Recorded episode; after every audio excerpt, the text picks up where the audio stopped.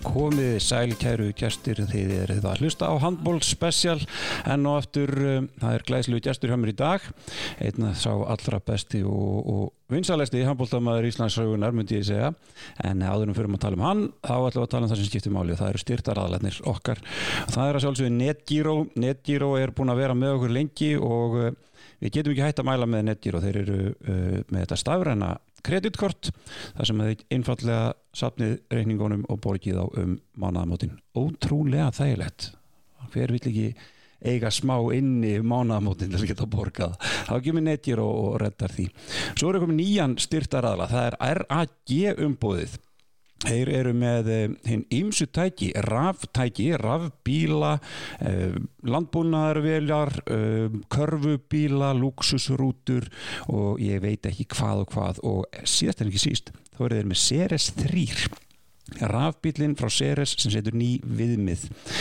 Þar getur þú fengið allar þær luxus útbúnaðar pakka staðalbúnað sem að þú getur ímyndaðir og það er bara eitt verð. Þeir auðvisa aldrei verð frá einhverju, þeir auðvisa bara verðið og það stendst. Þetta er svona Martin Móstaldæmi, aðeins eitt verð og það er Series 3 rafbílinn frá RAG umbúðunum. Við þakkum þeim kærlega fyrir og bjóðum velkomin í Handból Special. En gesturum minn í dag, það er eins og ég segi eitt sá allra skemmtilegasti, eitt sá allra skotfastasti og eitt bara sá vinsaletti sem hefur spilað handbólt á Íslandi held ég og ég held að ekki sé alveg sammálum það. Uh, að talaði um að hann væri það skotfastur að hann geti unnið bíl á hraðbreytinni, autobanninu í Þýskalandi markmenn hlupu frá þegar hann eldi boltanum á stað og línumennir vissi ekki hvað þau voru að gera þegar þau fengur boltan allt í einu fangið þegar hann snýri bakið á við erum að sjálfsög að tala um mann sem stemdi að því að vera valin besti varnamaður deildarinnar en tókst það reyndar ekki Sigurður Valur Svinsson Eh, blessaður. blessaður, hvað segir þau? Það er ljómandi Er það ekki? Jú, jú, jú Hvernig hérna Það er mjög gott intro Er það ekki? þú stemdir að þessu, þú sagðir það vitilega og stemdir að því að Já, vera já, ég var miskilinn varnamaður Já, er það ekki? Já, já, við spilaðum um vörn í gamla dagot Já, Svo þegar maður komst upp á lægi með að hafa einhvern þræl til að stýta við já þá var maður ekkert svo mikið á móti því Nei, þú sættir þig bara við það, geta svona verið frammi og, og hlupið beint út Þegar ég spilaði vörn þá var ég ótrúlega sterkur Er það ekki? Jú. Þeir segja þetta allir sem eru svona fannir að missa minnið Þeir segja að sitja frábæru varnamaður Herðu, þú ert um, sko, þegar ég var að segja fólki að ég var að fara að taka viðtalið þig þá var alltaf hérna bara, já, herðu, það er snild dvílík snild Svo spurði ég oft bara, vitið hvar, vitið, vitið hvar uh, sitja ég hóf fyrirlisin og það er ekkit allir sem vita það Ég held að það var nú almenn vitneskjaðin Já, ég held að hún líka Já, þú ert þróttari Ég er alveg búin að vera þróttar í húð og hár frá barns aldri Já, hvernig hérna eh, sko fyrir þá sem er í dag ég syns þessi kynsla sem er í dag þeir átt að segja á því að þróttur hann og bara stórveldi í, í handbóltanum Já, já, við vorum svona frá, hvað ég var að segja, 75 Já, og svona fram í 85 já, á hérna vorum við helviti góðir og unnum uh, nokkur mót já, byrjum að vinna hérna þá var hann Reykjavík mót, aldrei svona stórt mót já unnum það 75 Já, akkurat og þú sem F-fæðingur þá spilum við gerðum, við gerðum áttunum og frækt ár 76 Já, þá hérna, spilum við úrslítileiki byggarn móti F-á já fjallum úr deildinni Það var úrslutulegu byggar sem fjalluðu dildinni Þetta er svona svip og F að geta lendi í það var ekki fótboltanum alveg nógu gott. Nei, en ég menna unnuðu leikin, byggarleikin nei, við tökum Ég veit að það er, það er svona spurðið sko. En þetta þróttaralið sem þú ert í þú elst upp bara í, í þróttið þú ert úr, hvað, hvað ég er á vonum, vonum býðar en þó og ert ennþá þar, hefur aldrei farin neitt nema að þú ert að spila ykkur staðar nú er þetta orðið misvæðis já, besta hverju og hefur alltaf verið hérna. já, er það ekki, jú, ég segja það um, þú byrjar samt ekki svona, þú, uh, sko, þeir sem hafa komið sem eru svona á eldri kantinum og ætla ekki að segja þessi gamall líki minn en, nei, nei, nei en það er ansinn langt síðan vart færtugur Já, uh, hérna, þeir, sem, þeir byrja oft svona seint að æfa handbólta, margir sem hafa byrjað 11, 12, 13, 16 Bjarki Sýva 29 ára þegar hann byrjaði þú byrjar samt frekar ungur Nei, ég byrjaði svona 12 ára Það varst 12 ára Já, Ég fekk hérna bara sjúkdóm sem krakki og mátti ekki byrja fyrr já Fyndi, Þessi sjúkdómi var þannig að þú, þú gast ekki í labbað Já, ég fekk Pertes Já, svona mjög aðma sjúkdómar já, Svo var hann eiginlega var gefið grænt ljós eða var 11 og 12 já Það var, Lærði að synda snemma, var á Reykja hérna fyrir Reykjadal og lærði að synda 34 ára og já og var mikið í sveit já, var handsterkur fljótt já, já þetta er að hjálpa mér heldur byggður En þegar þú varst, eh, eins og segið, þú fyrst þennan sjúkdám sem þú ert bara, þú ert bara barn og, og, og ég las það nú ykkur stær að þú hefðir ekki getað að byrja að labba fyrir en bara, já, ég, já það er perter sem þannig sjúkdumar að þú lappar ekkert mikið nei, þótt þú getir það já, þá var menn svona spelkur og annað já, ég átti kassabíl já, nokkur ár sem sýstin nýtti mér í en svo reddaðist allt já, það var bara frá þess þannig að þarna kemur skotharkan frá, já, öruglega eitthvað af henni já, eh, þetta er hann að grunnin lagður þar. En svo þegar þú byrjar í handbóltanum, segi, þá hérna, þá ert í þróttaranum og þróttararnir voru þarna helviti sterkir, þið til dæmis þið farið hvað í undan úslit í sko Evrópukjæmi eða eitthvað. Er það ekki? vorum reyndar við hérna vorum daldi hefnir já, við erum svona, þetta er að byrja hvað er að segja, 79 þá var þetta svona, þá var Óli Há ráðin sem þjálfari Já, og við erum svona frekar ungir, ég og Palli Ólafs og, og fleiri um mitt.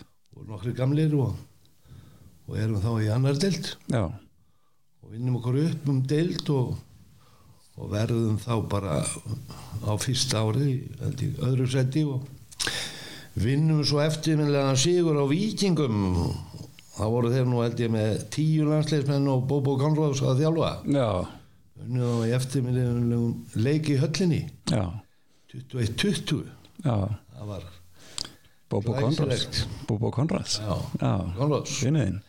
Já, og svo förum við í Európkefna og Já. komumst allar leið í undanúrslit og töpum þá fyrir Dúkla Brag Já. Það sem er náttúrulega var náttúrulega ekkert smá lið á þeim tíma, sko. Það er- Var Bambrúk að spila þá með Dúkla Braga? held ekki Nei, hann var ekki komin, kannski. Nei. Nei. Eh, Þetta er, sko, þú, eins og segið, þú byrjar að spila með mestarlöki 1976. Já, Það er sjö... fimm er fjall 75, já, það er 7-8 árum áður en ég fæðist, sko, þannig að ég get ekki sagt að ég minni það. Fer svo eitt ár til eh, Svíþjóðar, spilar þar með liði sem heitir Olympia, Það ég fer ekki þangað fyrir 77-8 já, Ég er með 77, landsliðinu 70 eh, spilaði fyrsta landsliðinu 76 já, Ísland, Danmörk í Vestmanni já, ég er að hall og freyrum já, þetta er eins Svo og, er ég að æfa með eh, sko, landsliðar að fara á HM í Danmörku held ég Það voru nú kallaðir þrýr sortir dagar í Köpen já, já, já, ég sé þessa fyrirsögn. og hérna þá var Janus Jarvinski að þjálfa Já, eh, Hólverið já, Mér minna að Siggi Jóns hafi verið formaður háið síðan þá. Þá að byrja að borga fyrir æfingar í fyrsta sinn. já, já, Það voru 2000 gamlar og maður æfiði á hverjum degi og hérna, ég fór nú ekki út, ég var nú ekki við alveg í það. nei. En svo Það ferðu er fór þetta að kalla þér þrý svartir. þrý svartir Það dagar verið annað. það ef að þú hefði farið þá hefði þetta verið sko, þrýr bjartir dagar í, í Danmörku Álu- á- Árið ári eftir fyrir ég til Olimpíu Helsingborg já, í Svíþjóð. Hvernig við liðið var það? Var það Það sterkli? var hörku lið. En ég bara- Það var svo leiðilt að vera í Svíþjóð. Það var bara, ég kannski ekki dreitt ár. Já, það, Eina jákvæði ég kynntist hann Agnættu Feldskó í Abba já, þá samt hún hann að lægið um mig já, býtu hvaða lag? það er hann að Siggy Sveins on me I'm still free Siggy Sveins on me Ég held að það verið að money, money, money Nei, það það var eitt í það Þetta lag verið spilað á eftir alveg 100% Herrið, þú ert búin að fara í gegnum hérna, liðið og varst með heimavönu, stóðst í frábælega í því og hérna, við ætlum að renni í gegnum liðið hjá þér Þetta eru miklar hetjur Eitt og einn nafnana sem ég þarf að spyrja það eins betur út í það sem ég man hann ekkit eftir en, en svo eru aðrir sem að ég og margir fleiri hérna, munum eftir. Það er eitt nafnannar sem er sérstaklega uppaldi að mér, en við förum, förum í þá eftir. Uh, í markinu hjá þér, þú var- spilaði hann með mörgum góðum, en þar veluru Óla Ben, já, svo sko ég ég á rosalega erfitt með að sætta mig við svona sko, menn sem eru þú veist eins og Teddy var hjá mér í daginn og valdi sko Baumgartner og eitthvað svona djöfisískauðra. Þú setur Thomas Svensson já, í markið, já síðan svíjan þess vegna vildi ég ekki hafa hann. já, já ég, hann er ekkert skemmtilegur en hann er svakalega góðu markmaður og spilaði með mér í Alltík og Madrid Já, og við vorum svona tveir og öruðu smá mátar já, En hann lifið aldrei sérstaklega, lifið eftir bókinni hérna Ítú Vinn eftir Navratilófu hérna tenniskonu. já, Svo var hann aldrei að hann var átti lélega leik þá gæti hann verið sérstakur.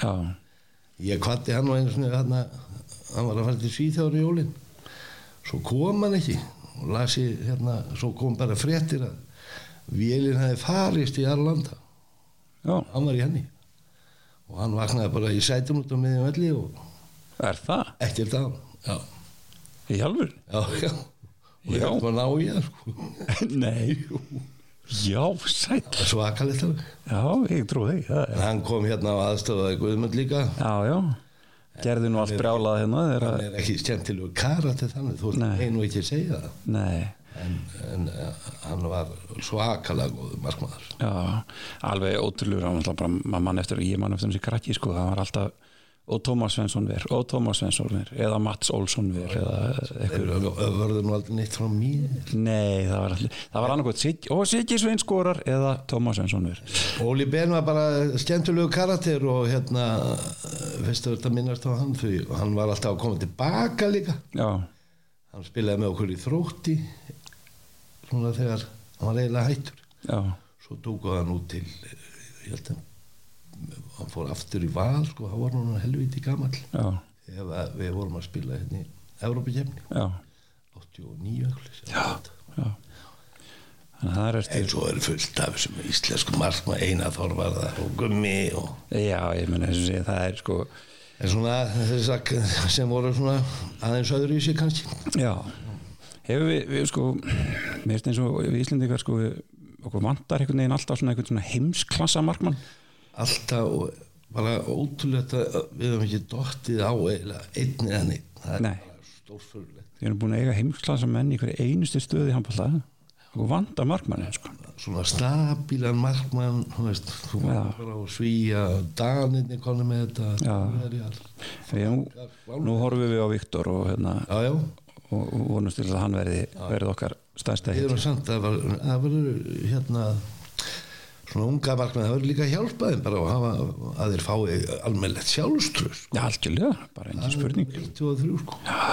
Ég held að, og peppandi aldrei upp og svo aðeins nýja já, það er svona loksins þessi hávaksni markmann sem við erum búin að býða eftir. og Svona, hefur kannski skapið og karakterin í þetta já, við vorum alltaf með, hérna- það þarf að vera stór förlur að vera í marki til að vera í markinu, ég hugsaði þannig líka sko, það er, maður er- situr það kannski í Tómas Svensson að það, það langaði aldrei að negli í hann eða eða ég gerði það stundum það ekki, bara svona á æfingum já, auðvitað.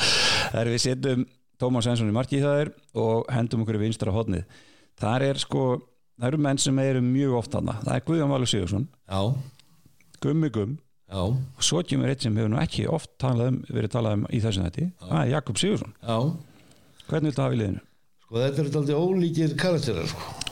Já, ólíki leikmenn Það er- Guðmi var náttúrulega svona fór helst ekki nema að vera í döðafæri en Já, hann nýtti færi með el og koppi líka já en svo ertu náttúrulega með mann eins og Guðjón Val sem er allan þennan tíma og Já, hann er bara náttúrutalent og já, bara gormur bara ótrúlegur það er svona kannski sem fáið vita með Guðan Val, hann var einu svona þegar hann var í Káa held ég þá leik hann á miðjun og var markakongur sko. Já, já, já menn gleyma því já Það er hann hérna... hérna ímyndaði hvernig hérna, hvaða talent er Já, þú og hann tekur gætt sko hoppað bara, sko, hann, hann gætt tróðið sko með hausnum í korfunni Já, ég held að hann geti það bara ennþá sko Hann er svona að þjálfa núna og... hann er svona þessi aðslið á hotnamaður sem við höfum átt Já, með þeim betri í heiminum var bara örgulega sá, sá besti Hann og, og hérna, hvað heiti þjóðurinn öttur hérna hann, hérna, hann er enn að spila Já, heimann ég finn heitir Gensamir Jens Emir, hann, hann hérna, það voru þeir tveir Þeir voru nú alltaf langbestir Þannig að hérna, en samt að guðja mikið betri svona að koma fyrir utan og annað það, Já, hann er miklu betri svona allega fannst mér, sko. Þannig að hérna, ótrúlegu leikmaður eh, Gummi Guðum Koppi Sig, Jakob Sigursson hvernig hérna leikmaður var það? Koppi er náttúrulega bara þessi stabíli og góði drengur Já. gegnum öll árin og uh, aldrei neitt vesen og bara æði vel og allt, má segja bara allt sem hann hefur gert í lífinu Já, hefur bara hann gengið upp gengið upp og stjórnar það Já, hann var agamaður og annað og Já. en hann var sínsamur og bara mjög solid og gerði fá að vitleysur og já, það eru svona menn sem við viljum líka hafa Já, einn af, einn af mönnunum á bakvið tjöldin hjá Val í dag Það er- í hérna, fjárfyrstingafélaginu Valur menna ég það Við setjum þá bara Guðjón Val í hotni Þið spiluðu, Já, já, já. Þið spiluðu náður að spila mænum í landsliðinu Já, já. er það ekki? Það er- Þarna, þegar hann er þá hvað 12 óra 95, nei hvað, ég veit ekki hvað hann er hann er orðin 40 eitthvað Já, hann er hún 40 eitthvað núna hann, Þetta hefur verið, umlega 20, já, kannski 90 og var hann komið 95 heldur það? komið 95 Æ, maður það ekki 2005, 2000, nei, wow Nei, 95, þá erum við, þá er háum hérna heima já, já, 97, þá erum við í Svíþjóð Nei, nei, nei 97 er koma mótó það er ekki Óli Stefi yngri en hann Óli Stefa komið 97 95, já, hann var í la- liðinu 95 já, það er rétt, það er rétt Hann var alveg líka. Ég- það geta alveg verið, geta alveg verið þetta er svaklega langt síðan. já, ef við tölum alltaf um aldrei minn sko, 95, þá er ég Ég minnast á það nei, þá er ég 12 ára sko, það er sem ekki tala um það, nei, nei, nei eh, Guðum Valur fyrir hotnið, bara svo allra besti sem við mátt nokkuð tíman og ég er spenntur fyrir hann sem þjálfur líka það er, Já. hann er góð hlut með gúmisbakk ég held að hann hef alveg karakterin í það og sem þjálfverða verður hann alltaf að hafa bullandi áhuga á þessu já, já þú bara, ef við horfum á alla gísla það er bara, hans lífi er handbólti Já, já, og mér sýnist Guðjón Valur, Valur er að stefna á það sama já, já, ég fyrir Óli Stef já, Stef gæti, sko, þráttur er, það er gaman að Óla Stef og öllu ég held að hann gæti orðið góðu þjálfari já ég er eiginlega nokkuð vissum það hann, fyrst hann er komin aftur í mannana heim eins og hann segir hérna hann, ég hugsa hann hugsi handbóltan öðru sem aðra þjálfarar já, og það er aldrei kannski erfitt sem leikmaður, maður verður eiginlega þekkjan til að já, pæli í hvað er þessi maður að gera já en það getur verið örgulega gaman að já, já, já, vera leikmaður undir hans handleðslu já, ég meina það er og hérna, tökum það betur eftir þegar við förum í hægri stýttuna því að kemur mjög óvart að hann sé á blaði þar Það er- Eh, vinstri stýtta Alfred Gíslason, eitt sá besti sem við mátt já, Axel Axelsson, já, Atli Hilmarsson já, Stinga já, og svo Hansen já. hvernig viltu ræða þessu upp? ég myndi, sko ef ég ég myndi velja að stinga Já, akkurju? því hann var náttúrulega hvenar er hann að blómstra á HM það er sé ekki hvað er sé 86 Hérna fyrir hann er svona fyrsti sem að hafði þessa tekni og stökkraft ég las nú viðtal við hann einhvern tíðan í gáðan dag þá leta hann stilla upp sko blakneti Já, var að hoppa yfir það og stjóta markið já Þetta er gamli skólin Nei, hann var alveg svakar bara, ef enginn hefur séð hann á myndbandi þá myndi ég að mæli ég með því að þið horfið á Gröfum Siggi þau upp. Stinga Já, Rúmenan.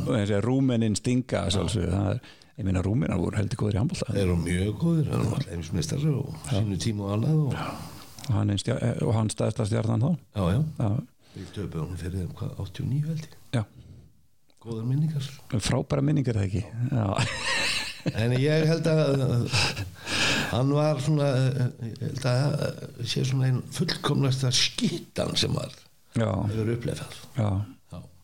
Var hann betri en veist, eins og til dæmis Alli Alfred Gillan Alli var náttúrulega mikið betri allíðamaður Já, Alli var náttúrulega bara fættur sterkur já, já, bæði vörn og sók já, já.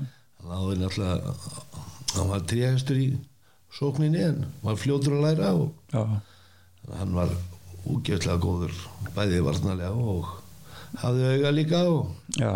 var solid Ég sá hérna myndband í gær því ég var að skoða þetta hérna, þú spilar eitt leik með Káa Já, og þetta er landslíðin æfingarleikur á mútið landsliðinu sem Káa vann Já, já, já, já, sem er sko 1992 nei, ní, jú, 92 þá hérna, er landsliða frá olimpíuleikan í Barcelona Já. spila æfingarleika á mútið Káa í Káa heimilinu og hérna þú og Þorgils Óttan Mattísen eru landsmenn með Káa já, já, ég man til því líka það mannstu hvernig hann endaði Einveldi. hver skoraði Sigurmarkið? Er það held ég bara, var það Tim Sveinsson? Það er Sigurður Sveinsson sem skoraði Sigurmarkið Raukakast Jú, það var auka, aukakast það voru ykkur 2-3 sekundur eftir og hérna, það er þetta sko, sjá síðustu hérna, 22, nei, þetta er setna ekki þetta er fyrir olimpíuleikuna í Barcelona Er það? já, já, já þetta er liðið fyrir svo, landsliðið fyrir svo olimpíuleikuna í Barcelona og lendir í fjóraðsæti Já, ég veit það, ég ætlaði nú með þú ætlaði með, okkur fórst ekki með Ég fór í aðgerð já, Sleit putta, ég hafði búin að æfa með þeim sko. já, ég sko mér myndi nefnilega að hefði verið í þýliði já, já, af því ég man eftir í sko landsliðin setna mér já, já, og svo fór ég að skoða hann landsliðsferiliðin og þú hættir náttúrulega já. eftir 95 95 og, og í raun og veru hættir þú fyrr eftir bótantíman Já, þá hættir þú fyrst já ég var að tala um bótantíman eitthvað Nei, nei, ég byrjaði aftur eftir að það kom nýr þjálfari þá já er það hérna Nei, nei, kallið var, eins og hann var hann var bara eins og hann var Já. Hann var alltaf frábæra þjálfari já, já, og uh, hann kannski breytti þessum hugsun átt hjá hjá liðanum hér á landi á sínum tíma já, Svona eftir að hann kom þá gerðu menn sér grein fyrir því að þú ætlar að verða eitthvað eða liðin eða þá verður þú ræfa meira og, já, og við byrjum á því og já, segjum nú kannski setna meir þegar, þegar tíma kannski að einhverju landsliðum þegar við vorum að fara út og annað já. Það er Svona, þú lendir í því hjá honum einhvern veginn bara, þú lendir bara, bara ég undir sópnum sko bara, ég lendi mikið á vekja honum Já. já, já. það það er svona, alveg- þetta er bara alveg frækt sko, hvernig hann einhvern veginn bara treystir þér ekki neitt og bara Siggi Sveins er ekki að fara að spila fyrir mig en samt alltaf í landsliðinu Já, já. alltaf í hópnum Já, já, skoraði þegar maður kom inn á og já, svo settist maður á bettin. Gleimið nú aldrei hérna, þá voru að fara út, ég man ekki þeir, þá var Gunni Gunni í liðin líka. já, Hann hérna, það var nú góðsaga Gunnar, sko, bóta maður svona ekki með hann alveg í nei, nei heldur og Gunni var alltaf þreyttur á þessu. Svo voru þeir að spila leik, held ég, í, í Júgoslavíu og Gunni leipur inn á þegar og hann með púða í hendinni. já ég ætla að spyrja út í þetta og það er bara komið með það var trébekkur á jópar með púðan inn og setta hann svo undir rassin og settist Það var það Gunni Gunn Já. ég, mér var sagt saðan að þú hefði gert þetta nei, það var gunni gunni það var Gunni Gunn sem gerir þetta já, já. vertin af öllunum eins og kvöldum hann í dag það er hérna já. Eh, Axel Axelsson og Alli Hilmarsson þeir eru að blaði höður já, ég, ég hafði alltaf mjög gaman að spila ég spilaði nokkuð oft á mót Axel já, og hann var svona hann var að spila með Dankelsen þegar ég var úti já, þegar ég var úti í hérna Lubeke eða Nettlistel nætlistu, já, já, og bjóð hérna 20 km frá mér og ég fór á leiki og við vorum mikið saman já, og hann var einn af þessum bara fyrstu atunumennum sem fara út í raun og veru já, og hann var, hann var eitt fljótur á löpunum en hann var svakalega góð skýrtan já. það var bara þannig Og, og Alli líka sko, ég, var Alli ekki í hotninu eitthvað líka eða var, hann- var hann bara að skýta já, og ég var allir náttúrulega 1.90 og eitthvað mér var sagt að ekkert þegar Alli hefði verið í hotninu hann geta hoppa bara inn í markið að þess vegna, já, hann var náttúrulega einn af þessum fáu sem gáttu bara beðið eftir að varnaveikurinn lendi og þá leta hann vaða á markið nú hekk hann bara Það var skemmtilegu karakter og, og, og, og gerði og var spilað alveg ég man ekki hann var mjög lengi í landsleginu líka Já, mjög lengi sko og sko, uh, pælum í því sko þú ert bara búin að taka þrjár stöður sko en það eru sko þjálfarar út um allt hana Já. Tómas Svensson er búin að vera að þjálfa Guðjón Valur, Gummi Gum, Alfred Gísla Alli Hilmas það er allt þjálfarar, allt, allt menn sem eru búin að hafa góðum árangri og miklum árangri sem þjálfarar sko ég held, fyrst erum að tala um Bóbó Já, þá held ég náttúrulega að grunnurinn hjá mörgum af þessum þjálfurum og sérstaklega Gumma hann kemur úr herbúum Bóbó já, jafnvel alla líka já, já, Því kallinn breytti náttúrulega daldi mikið ekki bara æfingarferlinu heldur líka agan já, kom allt annar ægi í liðið já, já. og var hundleður að spila Nei, það er líka að segja svona Nei, nei, já, já, já. Ég meina þú fyrir sjálfur að þjálfa svo setna og, Já, já. og Stjáni og, og fleiri sko Já, já. Þannig að þetta er öflut sko Hansen, hvað Hansen er þetta? Þetta er Mikael Hansen, Já, Danin já, já hvernig hérna hann var, hann er náttúrulega bara þegar hann var upp á sitt besta var hann náttúrulega bara rosalega unik bara ótrúlegur alveg bara ótrúlegur og hann myndi mig þetta aldrei á sko Aron Pálma hefði, svona, þegar hann var ungur já, þá fannst mér hann vera að fara svona í áttina að já, Hansen, hann gatt tekið þetta óvænta og hafði teknina að stjóta af gólfi og já, já, allt saman stöku Mhm. upp og allt saman en hann sem bara komst lengra og já, já, einhvern veginn en hafði eitthvað örlítið meira og kannski skrokkurinn á, á Arnu var kannski ekki alveg Nei. að gefa hann það Nei, nei, en þeir eru að spila saman í dag Fylgjast núna með þeim spila sko mm og hérna, þeir eru nú fannst með góri eru búin að standa þessi vel líka til ekkert eitthvað brjálæðislega Nei. sko, þeir eru svona hálmittir Já, og einhvern veginn svona eins og Hansen, mér finnst hann þessi leikir í meistardeildinu sem ég séð, já, mér finnst þið, hann verður bara að gera þetta með einhverjum hangandi haus já hann er ekki alveg búin að fatta þessi komið til Danmark og rættum Nei, og hann er einhvern veginn svona hann er, hann er svo svakaleg stjarn Já. Danmörk, hann er bara þetta er bara eins og rockstjarn Já, en það hef ég ekki alveg í svona leikjum sem ég séð Nei, ekki, nei, nei, það er nei. verið að klúðra alveg svakalega miklu Já, og það er tölt tilbaka og eins og hún sé alveg saman já, ætla hann sé það ekki bara svona smá ég veit ekki Já, ég veit það ekki Læk, Ef líklega ég ekki. væri að fara þarna til Danmarkur, þú veist, heimalandið og Já. allar þessar væntingar, þá myndi ég nú aðeins taka eitt og þrjú ári viðbót. Já, en eiga þessu ekki eftir að vinna þetta bara Jú, Allt saman já, þeir skítöpuðu þessum sem leikjum sem ég er búin að horfa í meistur. Já, er það Herðu, við höfum Stinga í vinstirkettunni Já, Fyrir að miðuna, það kemur viðnöðun og þrótti Palli Ólafs, já, Siggi Gunn já, Dutsibæf já. og Moppan Moppan er náttúrulega Ívan Balic. Já, Við kvölduðum hann Moppan, hann var alltaf í golfinu, í golfinu, sko. já, Eins og hann var frábær þá fekk maður stundum alveg upp í haus á hann og hvað hann var að láta sér falla á annað. já Hann tók öll triksin Já. Það var Þetta er náttúrulega ólíkir karakterar. Já, mjög sko, Ef við tökum, sko, ef- ef við tökum bara moppuna fyrst hérna í Vannabælik hann sko. var náttúrulega frábær spilari og gatt skotið og Já, í, hann var komin í gólfið þegar hann létt vaða og já, já, já. hann hafði þetta ótrúlega auga og bara og svona ótrúlega óýþróttamannslegur og séðan og slepilegt hári og já, já, bara eins og hann var nýkomin hérna úr einhverju, hérna, einhverju ruggli sko eh, Dutsi BF hann, það er, sko, ég get nú satt henni inn að sjóðu við vorum að fara hvað helst ég, þá var hann að koma upp það er ekki 90 og 91 eitthvað leir þá var hann að spila í Erbukefni með Alltíku Madrid já, þegar maður spila í Moskvu og þá vissi ekki hver þetta var nei, og við sko sem byggarmistarar á Spáni sko, við erum ekki byggara já, við erum að spila þarna á móti Saska Moskva sem var hálfkulið já þá er þessi titur á miðinni já, ég held að hann hafi gert 13 hótum já ekki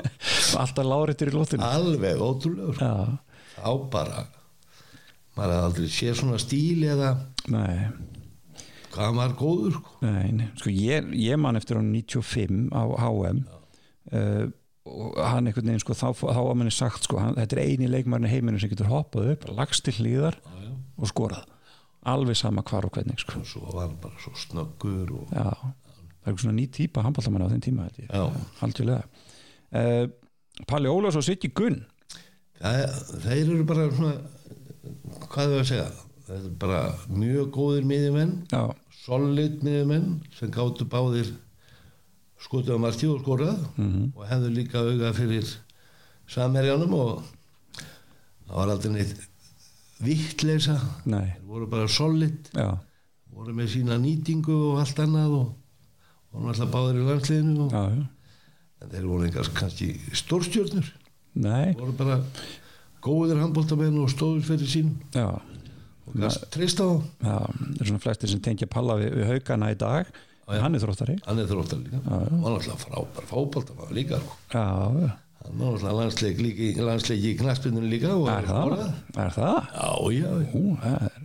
hún ætla að segja mér eitthvað nýtt sko. Já. Það er sérlega því hann á, ég man ekki hvað hann á ekkert marga landsleiki Nei, nei þrý fjórir og þetta er að skoraði tema Já, heldur það sé að fara að gerast aftur að maður hérna, geti spilað landsleiki handbóll og fótboll nei, ég held ekki Aldrei, það heldur sig ekki síðans hann veit sem nú- Geiri eh, Elger þetta heitir hann. Já, já, og svo var það hérna Anton held ég hann heitir hann spilaði með handbólta, fókbólta og blaki já þrem landslið Þremur landsliðum, já, var ég líka hann hérna gera, gera aðri betur Hérna, hann hérna Erlingur Kristjáns, já, var hann ekki líka Hann var allavega Íslandsminnstari hann á ekki landsleik Hann var ekki í landsleikjunum, ekki?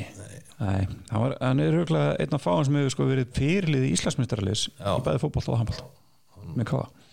Uh, Ef við tökum aðeins hérna uh, inn á ferlinn hjá þér þegar þú ferð, þú ferð út aftur 82 til Nettelsteð sem er þá núna í dag Lúbekka 81 eða ekki 81 Já, það hefur spurning hvort að morgin sé að ljúga eða ekki Það er 81 eða 82 Já. Ég var ekki til, þannig ég má alveg segja vitlisur hennar sko. En svo ferðu í, í Lemgo setna Já, ég fyrir fyrst til Nettlistend Já, og fer fyrst í Nettelsteð sem er þá Lúbekka í dag Já, og svo ferðu til Lemgo já og það, er það svona hápunkturinn af Það er svona, atunum annaferlinum við getum sagt að þetta er skemmtilegt til tíminn Já Hvernig lifa Lemko á þessum tíma? Lemko var bara að koma bara annar dild -hmm. og þetta var lítill 100 svona staður og, og hérna það var mikil metnaður en áttu kannski ekki mikið að aurum og við vorum alltaf við höllt hús Já, byrjaði í 3000 og svo varum stækkuð upp í 4000 og 5 og 7000 í dag já, svo vorum við alltaf að beðja þetta var grifja á heimaðalli sko já, bara eitt tímabili þá ég held að unni einn útileik já en 90 brot heimileikin Alla heimilegina og þetta var bara stemming Já Ég meina þeir segja það, ég meina það hefur nokkru íslendingar spilað þarna, ég er Logi, Vigni Svavas, Ástýr Örn, Bjarki Már og örgla fleiri sko, hérna, þarna, þú ert í vestu Þískalandi, var mikill munur að vera í vestu Þískalandi og vestu Þískalandi að spila handbólta? austur þískaðan var ég nú aldrei Nei, nei, ég er að segja, þú erum vantilega að spila það er eitthvað tíman. já, já, já Já, já, það er sko, Lemko er bara lítill staður og þetta hverfi þarna vestfalen já, þetta er sko Dankersen, eða myndin heitir í dag Já. Hallstedt, Hannover þetta eru svona bara á 100 km radjur voru eitthvað sko 5-6 lið já, svo Palli var í Dankersen til dæmis Elli var í Essen já, þetta var ekki langt á milli okkar og þetta var svona kræs þú veist já, og mikil, mikil samgangur á milli, já, það var alltaf mikil samgöngur á milli já.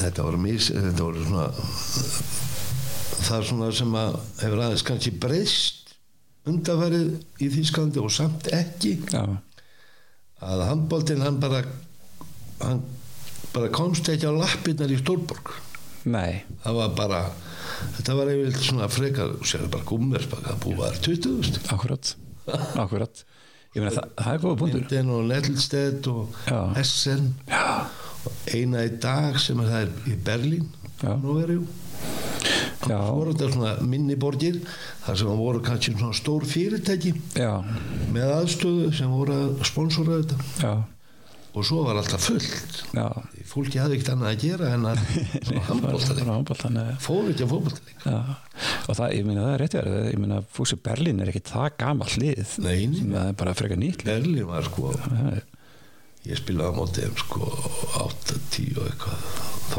keirði maður í gegnum austrið Já, og inn í Berlín og spilaði og svo keirði maður tilbaka í gegnum já, Östu Berlín já, spilaði þarna bara rétt áður en múrin fjall já Sko, það er, það er örglega sko, margir svona af yngri kynslaðinu sem er að hlusta á það núna hugsa með sem býtu varna er þetta í heimstyrjöldin eða hvað er þessi maður gamall er það er þetta er fyrsta myndi ég fór nú valur þarna þegar ég var í val já, það var nú eitthvað ætlaði að sé ekki bara eitt besta handbóltalið sem hefur verið á Íslandi fyrir utan kannski vikingur átti svakalegt lið á sínum tíma líka já, en þarna þegar við erum að spila í Evrópakefni já spilum við þetta var sem við spilaði Mataburg Já, vinna þetta heima með 6 eða 7 já, töpum svo úti með 7 í algjörum skandaleik sko já, var það allt vitlu sko það dómar skandandil Já. En hefðu við komist áfram þar þá hefðu við farið alla leið. Það ekki, var ekki, var ekki Júli Jónas er ekki út af hérna bara Já, og svo er verið Jón Kristján sem tekið hérna það sést bara Já, já. myndin í lokin þegar hann er döðafrýr og Já, tekið það hendur var hann svakalegt lið. sko. Já, þetta er, þú spil, hvað ertu bara í eitt tíðanbel í vali? Já. Það er 88-89 Já Já, og þa þá verður Íslandsmeistari Já, já. Eini Já, Íslandsmeistara titillinn sem hann náðir Já, já. Já Hvað hérna, akkur fannst ekki fleiri titla? Ég bara var óhefinn. Já, það var dómar skandal Já. Já, Það var hérna, nei, nei, ég það sem er kannski mest svektastur yfir að hafa ekki náð Íslandsmeistar tillinu með Selfossi já, eða byggarinn spilum báðið úsliti byggar og Íslandsmóti og, já, já, já. og hérna Ég sko, ég- vantaði alltaf einhvern veginn smá hefni örlítið upp á já, þetta Já. okkar megin já, sko ég, ég get, ég get þaulið upp fyrir þig 92 já, já. það er bara það sem að ég hérna, þannig er ég krakkin sem er með makintórstóllina Já, já. sko. en hérna við fyrir maður í ferilin hérna heima á eftir Eh, þegar út í Lemgo þá ertu þú eru sko, þú eru markakongur búndinslíkunar eða ekki og, Jú, jú. og hérna talaði um þess að Fjarar- fjórðarsæti og Já, Já, já. og talaði mér sko svo sem einna bara allra skot harðasta mann sem að að spilaði hana hvað hérna, laður mikið upp úr því að vera að stjóta fast eða var þetta bara þinn Nei, stíll nei, eða? og ég hafði nú aldrei mikið fyrir því þannig Nei. En Það hjálpaði náttúrulega ég var Við spilaðum mikið hérna heima badminton, squash Já. Spilaði mikið badminton og squash, tennis Svo hafði við þetta náttúrulega kannski fram yfir þjóðverðan og annað Við vorum alltaf hérna heima mikið með landsliðun og æfa Já, Þegar við vorum hérna heima að æfa fyrir bæði olípileg og annað Þú veist, þetta var bara geggjum sko já, og það bara eftir fjóru tíma á dag og já, borðum saman í hátíðinu og þetta var náttúrulega bara kaka já, á dimbili já þú hérna ég man eftir einhvern tíma var svona það er alveg hægt að gera þetta í dag held ég bara mm, vera að mæla skotörkuna sko já, já, og þá var kom löggan, síðan sem var löggan stóð fyrir aftamarkið og hérna og ég man alltaf eftir, þessi náttúrulega- þetta er bara svona krakka minning af mér sko, það er verið að taka svona dæmi eitthvað og það er í höllinni held ég og hérna lögurlíkjóðin segja augnablík og bakkar svona eins aftar frá markinu þegar það sikki var að fara að stjóta ég held nú að þetta var nú ekki mjög nákvæm mæling þannig Já, ég menn þú ekki komst vel út úr henni Þetta var gaman. Þú komst vel út úr henni Herra, við erum konur í uh, Við erum konur á miðjuna Palli Ólas uh, Sitt hann að ætlar að hafa moppuna eða hvernig ætlar að hafa Eh, miðjuna? ég myndi eh, taka Dutchebæf Þú tekur dútsjöpæf ef ég er svona að væri að velja já, Mikið verið Palli ánæði með þeir núna hann veit allt ég Þróttarandir gef honum einn eina golfhólu Eru þið- eru þið þótt þótt þótt en þá eða? já, já, Hvað kallast það þurr?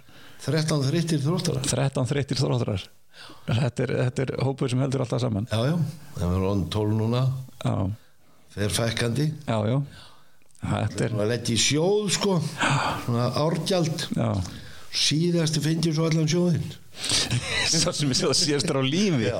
já. það var heldur gaman Má ég vera með það?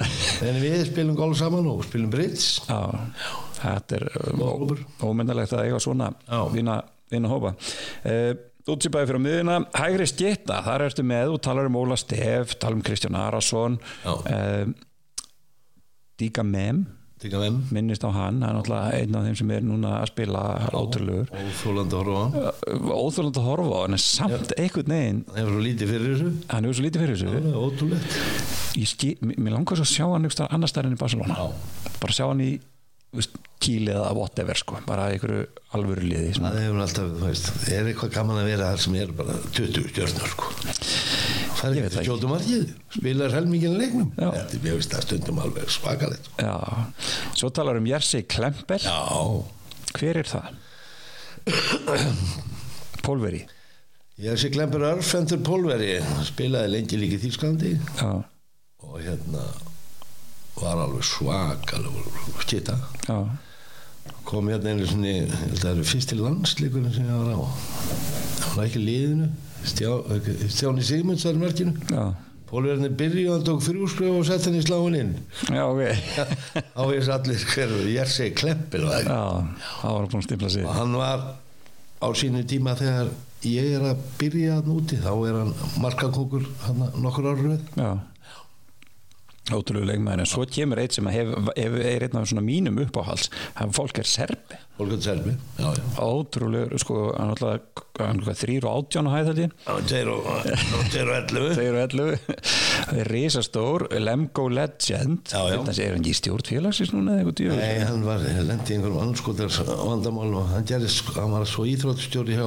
Fúsi Berlín já, hann fór að þangað yfir já, þannig hann var þegar ég er að koma þangað út þá er hann, þessi ekki, 16 já, og og þá var hann líka til röllu já, já, já, nákvæmlega, nákvæmlega risastór rauðarður þjóðveri fekk fjarrarist ef hann snýri sér á liðum og sem jór Kallinn.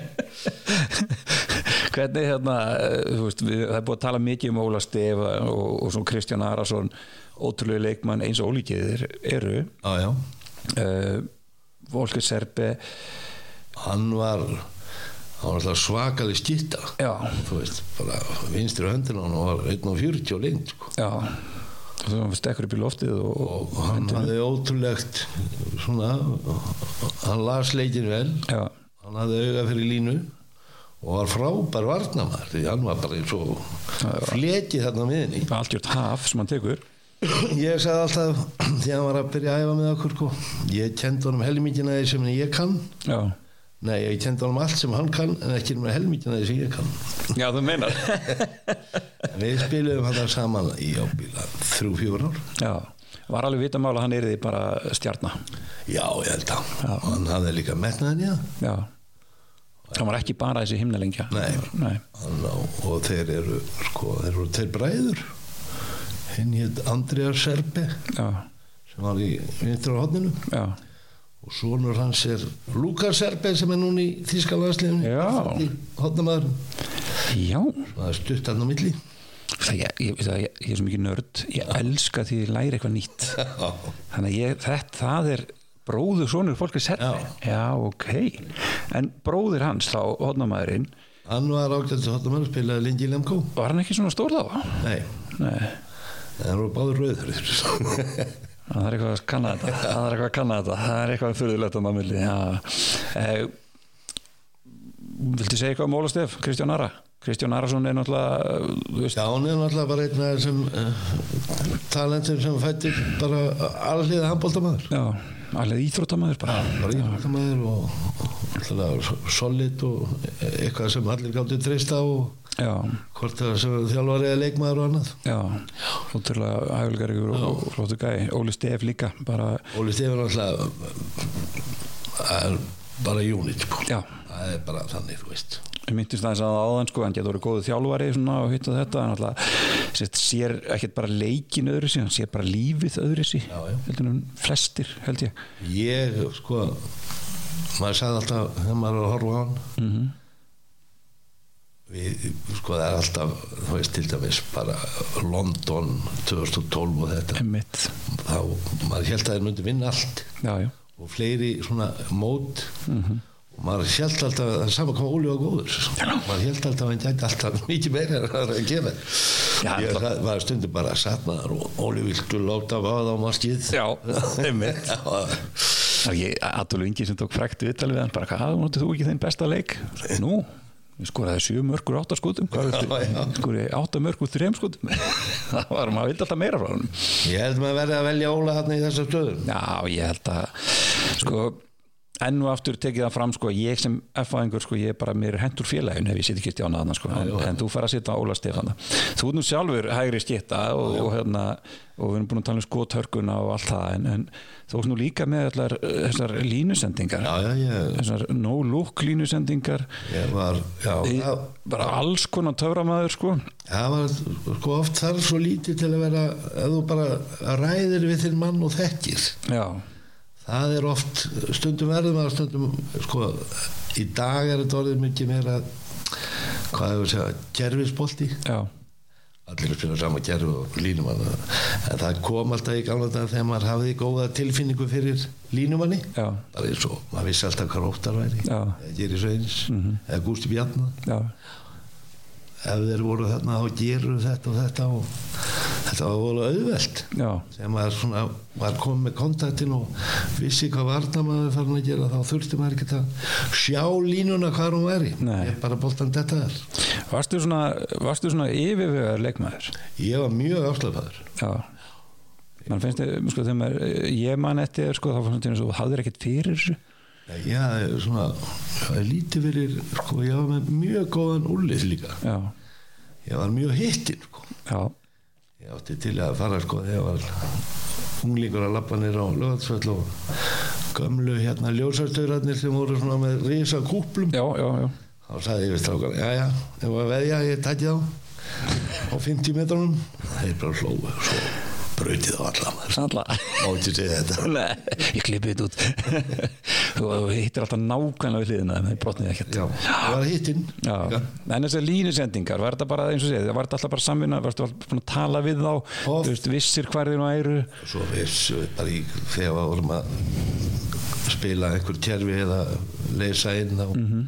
maður vissi svona nokkur neginn hvað það var að fara að gera Já, en þetta er náttúrulega líka, sko, að þú, þú ert, þú ert hérna út grínisti, Já, já, þú ert ég- hress og kátur, þú varst vinsall handbóltamaður. já, það var, já, já bara nöyt þess því miður Já, hérna gerðu Ég- í ég var, því, hérna, ég var bara, það var mjög gaman hvað mér var vel tekið sérstaklega þegar í landsleikjum þegar maður var kannski búin að vera á bekknum í 40 mítur og já, kom svo inn á já, neldir inn og, og reytir þetta og þetta. ég maður stundum breytti maður einu og einu leik Það- Já, það er nú, Ég veit það alveg. það er nú, við erum búin að það er búið að ræða bjöðkjöfnina mikið hérna, Já, já. það er nú e- leikur þar sem að þú og Hjöðin Gilsson komið inn á, þannig að Alfreð og Stjáni fá báður auðspjald, þannig að bara alveg óvænt, Já, já. hérna í byrjunleiks, það var, það var hérna þeir komið inn og, og takið eiginlega yfir leikin, við sko þ- þá eiginlega það var svona í fyrsta sinn sem kallinn eiginlega hei, ég verð að setja það inn á og þú bara verður að hafa það inn á, það er bara það er, hérna, við kláruðum leikin eiginlega já, og það var mikil stemming hérna já, þetta var um þjóðurum já, það náður svo með tveim var þetta svona, var Höfðum þetta svona tapað. fokkitt, var þetta svona fokkitt um enga tapa, já, ekki alveg, við höfðum hérna töfum við rúminum andan já, nei, ég meina þegar þið farið inn á, sko, já, það var, Það- það var alltaf hjá mér já, það bara, ef ég fæ að fara inn þá bara fæ ég boltan og búm já. annars skýtt alltaf út af Já. svo bara beða til yfir er þetta mark eða ekki Já. Sjá bara, við horfður á orðinu hvað þau fögnuðu þið ekki En gerður þau svona í því, varstu að, veist, hafður það í huga að skemmta áhörundum já, já, þetta er, það var oft sem maður var bara með allt markið en maður setna samt í vingilin já Já, það er, mér langar í svona, mér langar í nýjan Siggarsveins, það vantar Nei, mér mér finnst hérna ég var alveg uh, mér finnst alltaf skemmtilega að skjóta gólfin Já, Já. sakna þess aldrei í dag hjá Já. okkar leikmenn já, það er svona vantar, finnst mér fyrir utan punta já Hvað vantar það svolítið? mér fannst það eitt alltaf að vera tömörk Já, það væri töfum einhverju utan þetta Herri, Við setjum Óla Stef, Olke Serbi er á bekknum og, hérna, og, og Stjáni, hann er komin upp í hérna er búið að hengja treyjun upp og eitthvað svona Hægra hotnið, þar ertu nú með tvo ótrúlega menn, Valdimar Grímsson og Bjarki Sigursson svo skrifur þau frakkin, já, hann hérna Abalú Avalú Já. Já, Það er nú svona skemmtikraftur líka það er líka, já, og líka bara ég held að hann sé ekki hann með 60 kíló Þetta er bara eitthvað fluga, sko Það er- en hann var ótrúlega skemmtilegur og Já. skotfastu líka já. með að það er svona, það var ekkert utan á hann Þetta var ekki var ekki hérna var ekki bara að tala um að hann hefði líklega, hann er jafnvel komið til Íslands að spila núna bara í fyrra að hitti fyrra sko, Ó. með herði eða eitthvað svona, eitthvað svona Já. grín sko, þetta þegar hann fótt til elverum Já, já, já, já. hérna, með allt í um datti til þessum, það er að kíkja á það ég geti heyrt viðtal við hann hérna Arnar Theodorsson í handkastinu þjálfa, hérna umbóðsmaður Íslands, hann var eitthvað að tala um þetta um, Valdi Gríms já, hann er, hann er svona no bullshit guy Já, Valdi er bara Valdi já, hann er svona náttúrulega skemmtilega við Valda hann er bara einhver markagráðust bóttumæður sögunar Já, já, já, og já. alveg saman þótt að veri hotnun eða fyrir utan já, já, hann ætlaði bara að skora mörg og gerði það já, já, og hann fór líka inn á endamörgum eða svo tó, stóð til og já, já. hann var ótrúlegur sko. Já, já, ég man eftir viðtal við hana sem hann sagt sko, svo stala hann alltaf sko, hann ætlaði nú að vera fremstur já, já, já, já, ég sá viðtal við hana eftir það sem að talaði um hérna, hvernig finnst þér að mæta svona markmanni eins og það var stoppan, hvað sagður hvernig finnst þér að mæta svona markmanni markmanni, ég sé aldrei neitt markmann bara sita nýðið því hann var ótrúlegur já, Bjarki Bjarki var náttúrulega allt annar leikmaður og hérna ég hugsa svona þegar hann er upp á sitt besta með landsliðun og fleirum hann spila hann líka fyrir utan með viking og fleirum já, já, aftur líka Vikingu. já, já, en í landslið þá er þetta svona eh, þetta þetta er eiginlega í fyrsta sinn í, af mörgum landsliðum eða bara í, þar sem að eh, við búum þetta kerfi til fyrir Bjarka að koma og ná í hann og hann bombar sko. já, því að hann var með stökkrættin og, Já, já. og törkuna og, og var bara frábær í allir staði já, hann var svona undrabatt sko, hann var í viðtalíðan daginn og þú veist, hann, hann var rosalega hérna, það er ekki fyrir þessu þannig Nei. það var já, ég spurði hann að sama og ég spurði að þig sko með hvort hann laði eitthvað upp úr því að vera með stökkraft og eitthvað, nei, það er ekkit sérstaklega Nei. bara gerði þetta bara var þetta bara þannig í ganlega það er nú ekki mikið stökkrætt þannig nei, á gólfinu ekki eins og uh, þeir þannig að skopara kringlunar já, sko, það tekir bara einn og 20 í að fættis Já, það er ekkert fyrir því sko. uh, Hvernig, viltu hafa valdað að bjarga? ég myndi að taka valda Já, og valda er aðeins svona meiri það er meira uh, sigur hungur í honum Já. hann hattar að tappa og hérna, hann getur oft uh, tekið menn með sér já Hvernig gekk þér að spila með, með hotnamanni?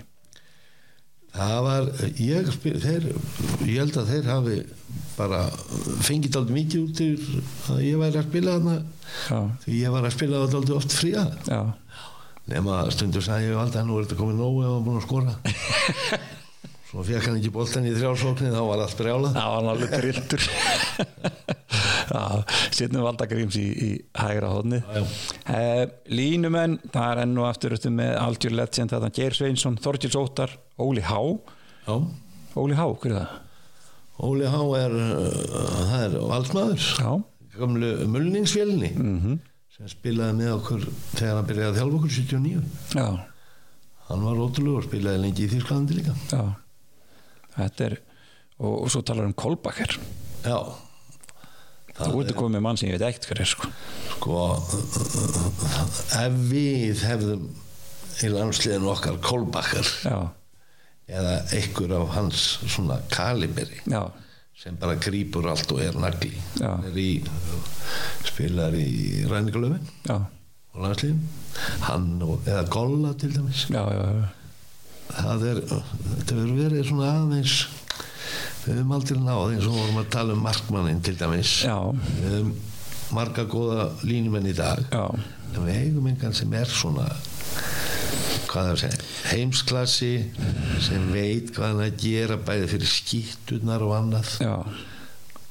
Hver hefur vantað það? já Já, okkur hefur vant að eitt lurk sem grýpur allt og, og er að Já. kannski aðeins að líka bara þetta að tala við sóklamannin og Já. gerum þetta og gerum hitt já. Þannig fræk samvinnan á milli Þorgils Óttars og Kristjáns Arasonar sko. það Fimm var hægri. ógjöldlega gaman að spila með Þorgils Já, þú vissir alltaf hvað hann var já. Og, og hérna, hann hætti snemma til að fara í einhverja pólitík og villis Já, já. sko og svo leiðis. menn hætti náttúrulega allt og snemma Ég, ég held að hann hafi ekki verið 30 eða var hann bara 27 ára eða eitthvað hann hættir. Stjáni hætti líka allt og snemma Já, Næst, allt og snemma. Hann er að spila 99. já, sem í vörninni, gæti ekki lift höndunum skoraði enn að frækt hraðaröflöp sínt hægt svo er alltaf að sp- reyna að sína það hægt það var bara stopp myndin það er hérna, ég hætti 2001 held ég já þú hætti 2001, Það held að það getur verið og þú- þá hérna, úrslit- úrslitaleikur haukar, nei haukar háká Hauk- haukar háká já, höllinni já en þú maður fara í, í þjálfarafyrirðin hérna rétt á eftir eh, Geir Sveinsson, hann var nú hérna, stórkostlu línum að líka Já. hann var svolítið unit Hann var svona, hvað ég var að segja, þessi heilstifti línumadur, já, bæði vörn og sók. Já. Og, og báðir búin að gera fína hluti, flotta hluti sem þjálfarar og leðis. Já, já, Uh, svo einhvern veginn svona hvað maður að segja, Geir Sveinsson hann spilar í, hann spilar sko atvinnumönskunni, hann er fyrirlið, alltaf svona legend í, í íslenska landsliðinu á sínu tíma og, og öllu þessu uh, hann var andlit eh, landsliðsins 95 þegar við ætlum að vera Já, já. heimsmeistar hérna á, á, á Íslandi Já, já. það gekk reyndar ekki en hérna eh, hvað er þetta að segja mér um, um, um Geira og þetta valslið sem að hann kemur upp í hérna og, Valur var náttúrulega sérstaklega á þessum tíma hann. já, Þeir voru náttúrulega svakalegt líf já, og hafa alltaf verið með. já, já algjörlega Þeir, þeir eru hefnir eiga þarna smá land krikka sem þeir gáttu komið í Ég fyrir er ykkur að kofa hann í kring og hérna, búin aðeins eitthvað hérna, makka krókin þar sko en það er alveg samt sorglegt að við hefum aldrei náð einhverju félagslega upp til það, sko ég held að það var 1900 og þegar þegar Valur spilar á móti Gummersbakk Já, nei, jú, á móti Gummersbakk nei, Grósvastad krossvöldstætt, já, þau byrjuðu 2011 í Hamburg Já. það er 1970 já, það er, nei, gott ár, mjög gott ár það er einu úrslítaleikur sem Íslands félagslega hefur spilað Já Það er svona, maður svona vonast alltaf til þess að hérna, veist ég, það verður spennandi þessi valsmennina núna, þeir eru að fara í, í, í reyðleikefni en þeir munu ekki ná svona langt en eh, það verður gaman að sjá Það vandar alltaf svo lítið sérstaklega hjá okkur í landsliði Já. Núna eigum við svakalitt landslið Já, já, En eina sem okkur vandar eru svona 15 cm já, já Á einhverja tvo leikmenn sko. Þú veist. Hvernig myndur hafa í, í landsliðin í dag í hægri stéttu ef að Ómar Ingi eða náttúrulega eh, er átó hana Já, nú er alltaf verið að tala um hvort að Teitur eiga að vera, að Donni eiga að vera eða Viggo eiga að vera já, Ok, það er maður hefði okkur ómaring Hann er náttúrulega kannski Já, hann er bara er bara yfirbyrðar maður af Algjörlega. þessum fjórum sem alliða handbóltamaður algjörlega bæði vörn og sókn og hefur þetta auga á og þetta fyrir leiknum Mhm. -hmm. svo ertu bara með eins og hann Donni kemur hann inn Já, ég bara, what the fuck já, svona átt að vera Já. ég er bara inn og síni hvað hann getur og málið er döitt og Viggo er náttúrulega þessi fyndari líka og, já, já. og svo er náttúrulega gaman með teit sko þú veist, í leikjum sem eru í bara í játnum eða er að detta niður okkar megin þá getur hendunum inn og hann gerir bara það eina sem hann á að gera það er bara að spila upp á hann og svo bum negla grjótinn í markið Já, alveg saman þótt að það sé á nýju eða tíu metrum já, Þú ert með svakalega svakalega breytt þarna hægra megin. já þetta er rosalegt sko.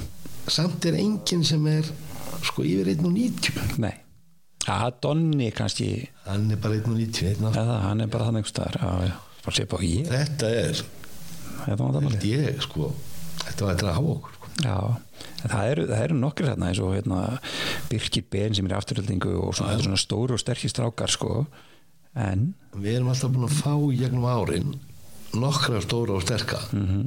en það vantar alltaf aðeins. hekslumun á að þeir verði landslýshæfið já, og einhvern veginn gefur skrokkunum sér alltaf uh, ætla aðeins að fara yfir í sko að að við erum búin að taka lemgo tíman og fyrir hann í val eitt ár og, og verður Íslandsmeistari og spili vel svo ferðu og, og spila með Dortmund í, í Þískalandi aftur, svo ferðu til Atlantico Madrid, Já. hvernig var að spila munurinn á Spáni og Þískalandi á þessum tíma hvernig, Það er bara, sko, Dortmund er alltaf alveg stórkolli borg já, Já, og fótboltinn bara að fara á fótbolta líka það er eitthvað sem að verður að pröfa sko. Já. Það er- og þeir áttu náttúrulega þarna vestfælinn hallið já, 15 árs manna öll mm -hmm. ég var mjög, sko, annari dild já var hún full? við þar, sko. nei, hún var ekki full Nei, en Dortmund var sko stórveldi á sínum tíma og er reynda enn í dag í kvennaboltan já, og við en, endum held í öðru seti þarna já, það var mjög gaman að búa þarna já, það ekki jú, jú. og svo, svo ferðum við til Spánar já, það var nú bara eh, maður segja grín var það bara djók gata verið ég var eiginlega hættur sko. Já. eða ég ætlaði ekkert út aftur nei, ég var að gera upp hérna, hús sem ég hafi kæft gamalt eða íbúð og svo erum við hérna, ég var með við hittumst allir hérna á Stjána Já. Santander, ég og Geiri og Þorgils og, já, og ég keiri frá Madrid og vorum að fara heim ég ætlaði að setja smá drasl í gáminni á Stjána áður en hann fór heim Nei, það var á undan sko Já, nei, nú var rugglega í árun Já, það skiptir ekki mál já, En ég er að gera þarna upp hús og þetta er nú veslinum held ég sko. Ég er held ég 106 kíló. já, Það var hring klukkan 10 um kvöld sko. já. Meitur Sveinsson, lagt upp Þú hefur lagt úr bleið Allting og Madrid Já, já Svo rítið við rættur já. Ég held einhver að djóki mér sko. Og þá sagði ég, how much Svo gælt hann aðra á já. Svo sagði ég, ah, ok Og svo sagði ég, já Flög út daginn eftir maður Er það? bjó á hótel í fyrstu þrjá mánuðina núna fór ekki út með mig fyrst fyrsta eigin sko- Rættir þetta eitthvað við hana? eða? já já Já, fyrsta eigin var 15 km skóalöp í 44 stegi þetta og ég týndist Óvart eða viljandi nei ég var svona átt á eftir þeim. Já, en þá fór maður í svakalett hérna, form já, á þeim tíma það var bara liftingar á mótana skóalöf, liftingar svo síðasta, Já. önnuræfing og hérna það var Madrid og alltaf já bara rísa, rísa borg bara og og höfuborgin og allt það ringdi í hérna Kristinn R. Ólafsson hvort hann vildi ekki kenna okkur spænsku Já, og hann sagðist alltaf hitt okkur á Puerto de la Sol það er svona torkana já ég spurði hvernig þekki ég þig?" horfði bara yfir hópinn og það er eitt rauðarur Þetta er Kristine Rólafsson sem talar frá Madrid það var alveg frábært Já, það, það hefur verið áhugavert að sita með ykkur tveim og það var líka svo allir Madrid er náttúrulega svona verkamannakverfið Já, hérna fótbolltaröllunum þar er í verkamannakverfinu og meðan Barnabéu er í konungu, konungskverið bara Já, já, já, já. það var mikið meiri stemming alltaf að fara á leiki og allt og í fótbolltaröllunum heldur en já. það er allt sko. Já, ég get alveg rétt ímynda með það sko. Það er oft hannig með þessu svona aðeins utan að hérna verkamæðurinn hann er hann, er meira passjón svona fyrir þess að það var mun skemmtilega Já Eh, Við hefum eitt leikmann eftir, það er varnamæðurinn já, þá þú situr fólkið serbi Já. var það hafið sem að hérna það var bara ég veit meina að það hafi komið þjóðurinn aftur á kortið þarna, já, á sín tíma já ég meina maður bara rétt Bæði ímynda vörn og sér sko. sókn. já, já. ótrúlegu leikmaður Eh, þjálfari liðsins eh, Óli Há Óli Há, já, og Gunther Klein Gunther Klein já. Gunther Klein, Já. hver er Gunther Klein? Það er uh, sem sagt handbóltþjálfari, mm. prófessor í uh, sport íþjóðskólum í Köln Já, tók við hérna Lemko þjálfari hann, hann var svona öðruvísi já, hann var svona skemmtilegu karakter og hann myndrætt aldrei mikið þegar áður við vorum að já, fara í leik og annað þú veist, hann kannski að spila um þetta í kýl þá var hann með svona, þú veist, á vegnum já, Tabkong og svo datta niður við erum fyrsta liðið til að sem ætlum að vinna Kíl og eða SN já, já, og hann náði svona þessu vilda fram í, í, í þessa baráttu það er svona bara og litla hugarþjálfur, liðinu á móti stóru liðinu svona hugarþjálfur, Já. alveg, var, var mikið um það á þessum tíma, já já, það var svona þetta, þú verður náttúrulega að hafa eitthvað já, þú veist, það var svona ekki, að- óttan er frábæri þjálfar og fleiri þjálfar já, já, en það er að fara á að draga línuna Já. er ekki vinniðin eða vinnuðin já, sem er alveg rétt Mhm. en sumir bara verða að læra það líka já, já, þetta er ekki bara að vera þjálfar þetta er líka að vera mennskur og já, ná því besta fram úr hverjum leikmanni fyrir sig já, bæði handbóltalega sé og húmóslega sé og annað já, já, menn sé að hafa gaman að þessu. það er þessi lína þarna á milli eins og þú segir, sko, það er, hún er- hún getur verið þunn, getur ímynda mér, sko, en þú fer svo þjá- sjálfur út í þjálfun, hérna, setna meir og hérna, þjálfar, þú byrjar að þjálfa uh, HK, Já. er það ekki, það er fyrsta liðið sem þú þjálfar, svo fer, tekur við, sko, eins og við segjum, sko, þú, þú litlu liðanum eða einhverjum svona spennandi verkefnum eða einhverju svoleiðis og, og þú tekur lið- til dæmis við fylki Já. Eh, hvernig, veistu, út með háká og tökum þann tíma aðeins fyrst sko spilandi þjálfæri að sjálfsögðu Spilandi þjálfari það var bara, sko við vorum alltaf hann í baráttuna að komast í fjarlæði úrslit já, nokkur ári í röð, sko Já. og vorum alveg þræl góðir já, já, það var bara og svo setna meiri og- og- og hernaðist að hjá HK já, já. að fara allar leið Ég meina, þið farið í, í þið eru bara mjög nálægt í að slá afturöldingu út 99 þá er afturölding deildar og byggamestarar og enda svo á því að klára titilinn en, en, en það er sko, þið eru hársbreytt frá því að slá það út áttum alveg hörkuleiki á móti þeim og, Já. og mjög óöfnar dabba já, það er síðasta tíðanbili sem þú spilar já, 99, eða ekki ha, spilar ekki, er það síðasta tíðanbili sem þú spilar 99, inni helst áfram já, já, flott þér, velgjart ég spila svo hætta þjálfa, já, Palli Ólars þjálfar og ég spila áfram Já, hvernig var að breyta frá því að vera þjálfari yfir að vera bara leikmaður aftur? og ef þú ætlar að vera þjálfari Já, þá, sko, þú verður náttúrulega að hafa 100% áhugan Já, að sjálfsögðu, að sjálfsögðu, og þú verður að hafa líka bara tíman já, ég sko skil ekki hvernig íslenskir þjálfarir í dag geta verið að þjálfa og vinna og hann sko ef þú getur ekki hægt að fyrir vinnu Mhm. þá ert aldrei að fara að verða eitthvað almennilegu þjálfari nei, það er bara fles þú verður að vera full time allan sólarhingin. það er bara fles Hvernig er það eins og með gumma þegar hann er að þjálfa sko bæði í, í, í dönsku úrvalstildin núna og landsliði sko. já en hann er kannski ekki í vinnu sko það er Nei, nei, já, já, það er vinnan hans, já, já, það er reyndar alveg rétt.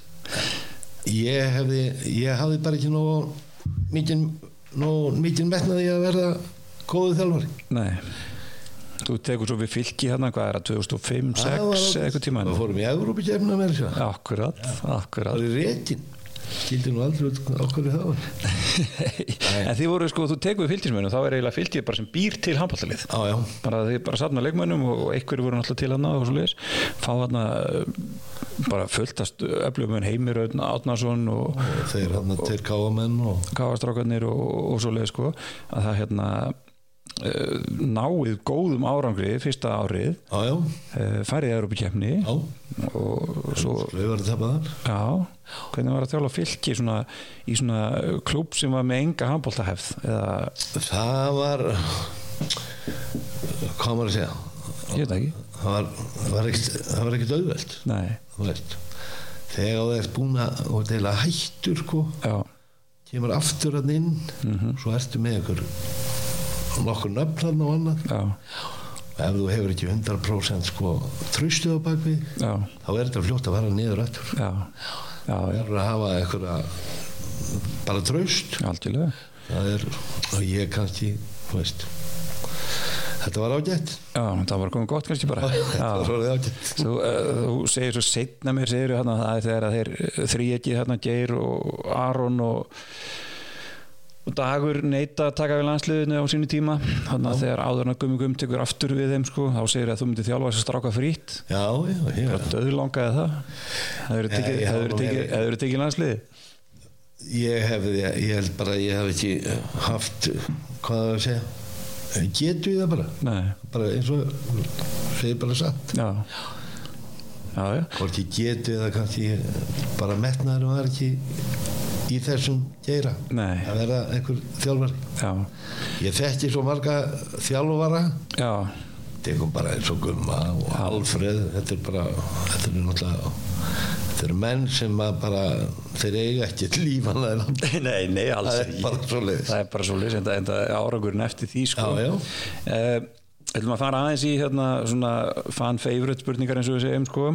það er eh, einhver, einhverjum sem að gast aldrei unnið erfiðasta liðið, erfiðasta anstæðingurinn svíjarnir, svíja kvikindin voru alltaf erfið það er bara ótrúlega hvað það var leðilegt já, Já, ég held að ég einu sem ég ábyggilega að spila sko hauga landslíkum þá já, ég held að einu sem ég gert tjöptöflið hans töpuðu alltaf já, það var stöpum alltaf hver var leiðilegastur í þessu? já, hann var náttúrulega langleðilega eftir hann að örfinn tíma Faxi, Faxi. Staffan Olsson Já, ég sé svipin að það er alveg bara leir hann dæmna það var bara svo var hann bara svo góður helvítið og steinsamur Já, hann vann okkur oft sko, Faxi er ég sá hann, inn- ég var á partileköp í Göteborg svo kemur ykkur bara, hefur hann áritun, hann er Faxi hana ég var bara, hei, ekki var neina helvits áritun hann, sko Hérna, þannig að síðan kvikni hvað gríla var þetta, akkur gátu við ekki unnið það? bara með þeir voru bara með massa lið þarna á þessum tíma Já,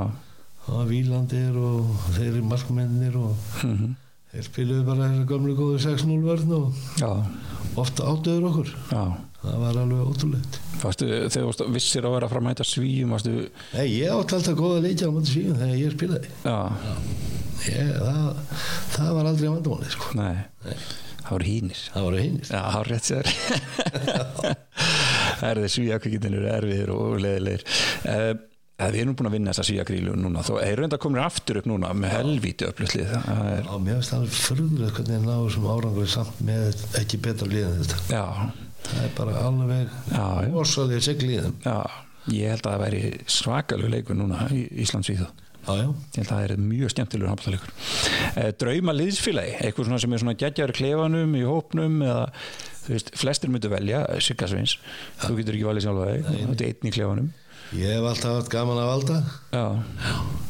og veit aldrei hvað hann gerir og hann spilar skák og bakkamón og fleira já, Við vorum einu sinni að fara, hvert vorum við að fara?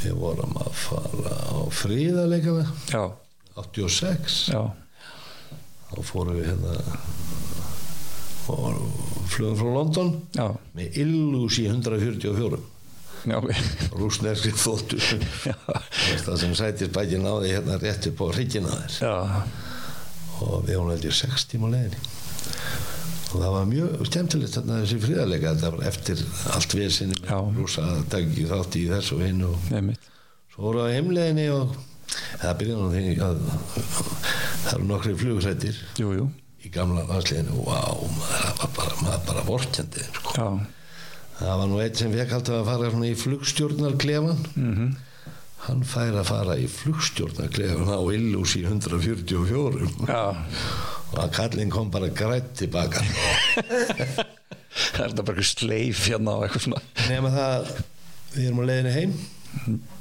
og ég kendi þeim strákunum að spila bakkamann á þessum tíma Mhm.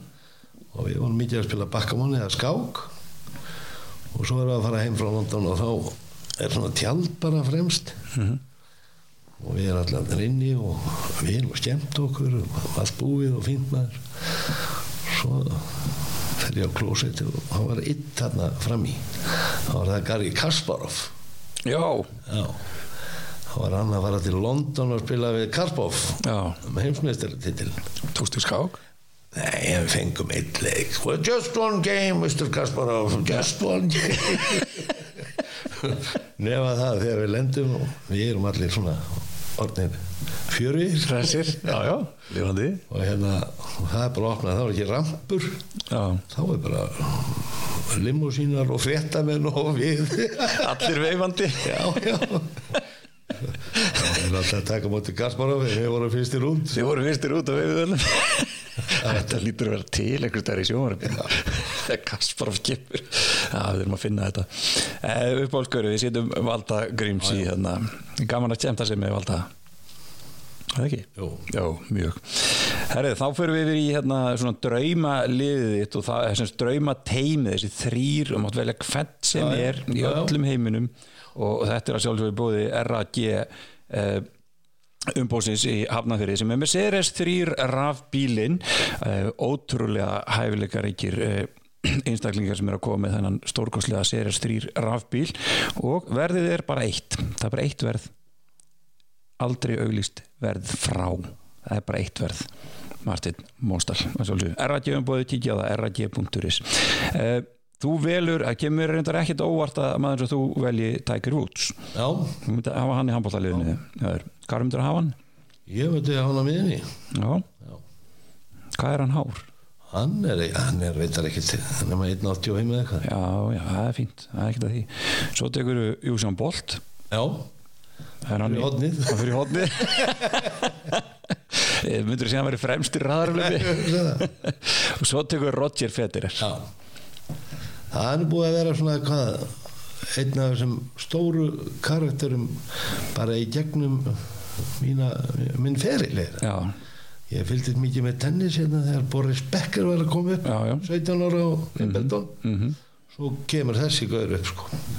og þetta er þess svona einn af þessum íþróttamönnum eins og við höfum talað um nokkra sem hafi ekkert fyrir hlutum Já, og er svona þú veist það er hvað er að segja það er svona, þetta er aldrei klassi að horfa á hann já, það maður er svona, á, wow, hvað er þess að gera það er ekki að laupa eða neitt maður er hann þá í skiptunni höður já, hann er í stýrtunni Tiger á miðinni, Federer í skiptunni Tekur hérna Íslenskan Kairó já, já tökum fetir upp í loftið, hendur upp í loftið og það kemur úsum bolt og tekur sirkusinn Það er, eiga- það er nokkri svona bara íþróttumæður sem maður hefur Já.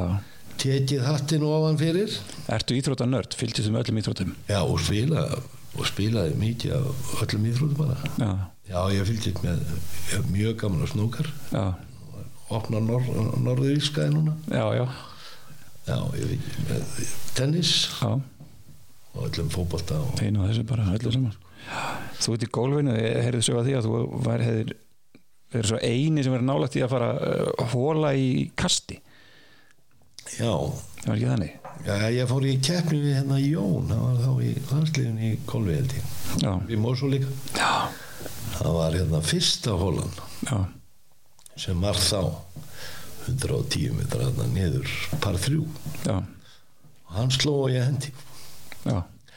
hann fór á pari, ég fór á bördi þannig að þú fannst hann ég hendi fetur á og tippaði hann svona með skónum svona feti frá hólunni í einu, einu kasti já, Já, það var enda niður sko. já, en allt í lagi helviti fallet það ekki það, sko, hversu pyrraður varstu samt að hann gæti ekki farið hann í munaði svakalega litlu sko. já, setir ekki mikið eh, sko, það við möttum að fara aðeins í hérna þessi, sem stókið, þú segir hérna eitthvað lið í handbóltasögunni sem þú hefðir vilja að spila með nei, nei, það er alltaf sáttur með þau félug sem ég leg með, það er alltaf gaman af því að vera hjá lítilmagnanum já, já, sko já, ég, ég, ég spilaði nú ekki með mörgum stórliðum nei, og allir kom Madrid og já. Valur var stórliða algjörlega, algjörlega ég spilaði nú einu sem er viking já, byggarmistrar Já, það er einmitt það sem ég ætla að fara að segja það, það, það sem ég ætla að fara að segja þú, spi- þú talar um lítil magnan sko en samt ertu hérna með sko út í Íslandsmistar með val, þú spila með, með hérna þróttið að þeir eru upp úr sitt besta byggarmistrar þar byggamistara þar og spilið í, í Európa-kjefninni og verið markakongur og byggamistari með, með þrótti, Íslandsmistari með val uh, vinnur titiland með viking já, byggamistarar já. svo spilar hann alltaf með Selfossi líka já. þá var hann ekkert lítili á þeim tíma Nei, það var það vantaði til hann þar það vandaði til hana Eh, þá verð ég náttúrulega að fara, fara aðeins út í þetta með hérna 92 árið já, ég hef ekkert verið mikið að vilja þess að til þú vilt ekki þessi til að þú tekur markakvort titilin já, já, ég tók hann oft já já, já, Já, Þú sagðar líka, áðan, það er bara, viltu vera, akkur viltu vera í liða sem er fullt af stjörnum? Viltu ekki vera bara þess að þú ert stjörnan? það er mest bestið ég tók að 99 held ég Já, það getur verið. já, já. Fertugur. Já, fertugur í, í hérna háká, markakongu deildarinnar. Já. það var sendilegt Það varst líka þjálfari liðsins sko, þannig að þú- Ég- þú gast tók allt ekkert og- þú gast ekkert annað, Heru, ég tekið þetta aftur hvernig tókst vítin og allan pakkan eh, 92, þá fyrir Selfoss í úslit Já. á móti FH Já, þetta er eh, sko ég, ég veit ekki hvað ég er búin að hugsa oft um þessa leiki sko, við erum að tala um bara eh, ég er í alvörinni enda á gæin ég er gæin sem var með Macintosh dolluna og berjandi á þetta ásliðis hvernig var þetta, þetta var rosalega stutt á milli annað hjá okkur já. Eða, það má segja svona þegar við það var eiginlega einar þorðarar sem að, var svona kannski upphafsmaðurinn af við fórum held ég við hann fjórir sem vorum hérna í bænum já, og ég og Bonni hérna líka hodnamaður í Breiðablík já, og svo var það Gísli Félix bjó í bænum líka þá já, margmaður og ég maður ekki að og við kerðum þetta alltaf Já. beinti vinnu kláðan 5 hittist á Rauðavatni já, svo bara blúsaði af stað já, og hérna einar var að þjálfa okkur Mhm. og þeir voru áttur náttúrulega einar grunnar eru einangrun Sigursson Gústa og Sigurjón og já, Sigjón og Einar Guðmunds og Guðmunds og ágætt sotnamenn og Já. þetta var skemmtilegt lið sko já, og hérna og svo small þetta svona allt saman með sérstaklega með áhörðinu líka maður Já. alltaf pakkað og svakali stemming já, svo kom þetta bull ár hann sem við ætlum að vinna allt já, byrjum að tapa töpum, bitur, töpum í, eftir skandalin hann í hafnæri hvað skandall hlóði það sér það var tímaskandalin já, já, það var ekki tímaskandall það var klukkan í kriganum, hún er bara svona unnum við heima það ekki jú, töpum úti og töpum svo þriða heima já, töpi tapið þarna úsliðarlegnum í alveg svekkjandi, alveg svakalegt Það er það ekki Já, svo bara hálfum hann eða setna þá voru að spila í höllinu átti val sko. og það er held ég einhverjum fimm eða sex mörgum yfir þegar kortið var eftir já, og töpum við einu byggandum alveg ótrúlegt Það er ótrúlegt sko. Sko, það er andviki í, í leiknum upp í krika Já. sem að, sem að ég verða að spyrja það út í Eh, og Í minni minningu er þetta atriði sem að snýr leiknum bara algjörlega og hérna algjör Þegar þið voru með leikinn og, og hérna svo er einhver árandi sem missi trommutjúðan sinni ná, það var algjör skam Siggi Svins er- tekur hann upp, eh, réttur hann trommutjúðan ég man ekki hverju á miðunni, Einar Guðmunds á miðunni Ég hef bara beint út á ræðablið mark já, og bara kastar ætla að gefa boltan að þig, hann fyrir bakið að þér og Gunnar Beindursson tekur boltan og brunar út og, og skorar og þetta snýri leiknum Já, það og, og hérna F.A. endur á því að vinna þennan leika hérna, ha, situr þetta í Trommukjöði ég held að ég eigi hann ennþá er það ekki? Jó, Manstu hverja var sem mist hann? ég man, ég man, ég bara, hann lendi yfir liðinu mér sko Já, þetta, Bara upp á- ég nefnilega Og ég, heyr- sendingin Já, hvernig situr þetta í þér? Já, þetta situr í mér Já. Það bara situr í þessi leiku líka maður, þú maður nú eftir sendingunni yfir völlin Já, alltaf já, Það var ótrúlega sending Já. Hún var bara upp á millimetri sko já, Ákvæmnaði maður, búm já Já, þannig Já, þannig séð, sko ég heyrði sögu og ég á eftir að fá hana staðfyrst að ég þarf eiginlega að senda á hann og spyrja því að þetta hafi verið eina bárðars Ó, sem að mist trómikjónina. var það Ég heyrði söguna þannig og ég er bara að hafa hana þannig oh. að það er svo gott sko, handla selfisingur og hérna var þannig. En uh, eins og ég segi þessu og náttúrulega fyrr, sko þið, þú talar um tímaskandalin, það er þarna þegar að F.O. jafnar þarna Já, já. í fyrsta leiknum og vinnur svo í framleikingu. Já, Uh, þið vinnir leikin í, á Selfossi, svo kemur þessi leikur vinnum við á Selfoss líka eftir framlýkingu Já, eftir framlíku á Selfossi, á algjörlega. Uh, þarna er sko, við erum að tala um sko Íþróttúrsjóðs Selfossi alltaf smekkfull. Já. Kaplakríki var líka smekkfullur. Hvernig var að spila þessa leiki svona, Ég hef alltaf gaman að spila í Hafnæri já, Alltaf, ég elska að spila mútið haugum já, Alveg það var þá í strangutinni. Já. Já, það var, það var aldrei vandamál nei, Eftir því sem voru fleiri áhverjandur og á útivelli Þá kom smá pepp upp í lokin sko. það var- það var nustið þín. Já Já, ég get alveg rétt ímynda mér það sko. Já.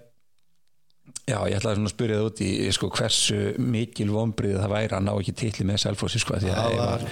ef að það var eitthvað tíman sko, þangað til náttúrulega unnu núna um daginn sko, hérna, Íslandsmyndstarar uh, ef það var eitthvað tíman titill í auksin hjá Selfossi þá var það þessum tíma þetta svakalegt lið Og líka bara Það var ekkit grín að keira þarna sexin með viku sko. Nei, Og lendi mér í snjó, snjóa veturinn mikli já, Ég menna, maður kom stundum að æfingu og þá bara slökva í salnum já það, og svo lengja leiðin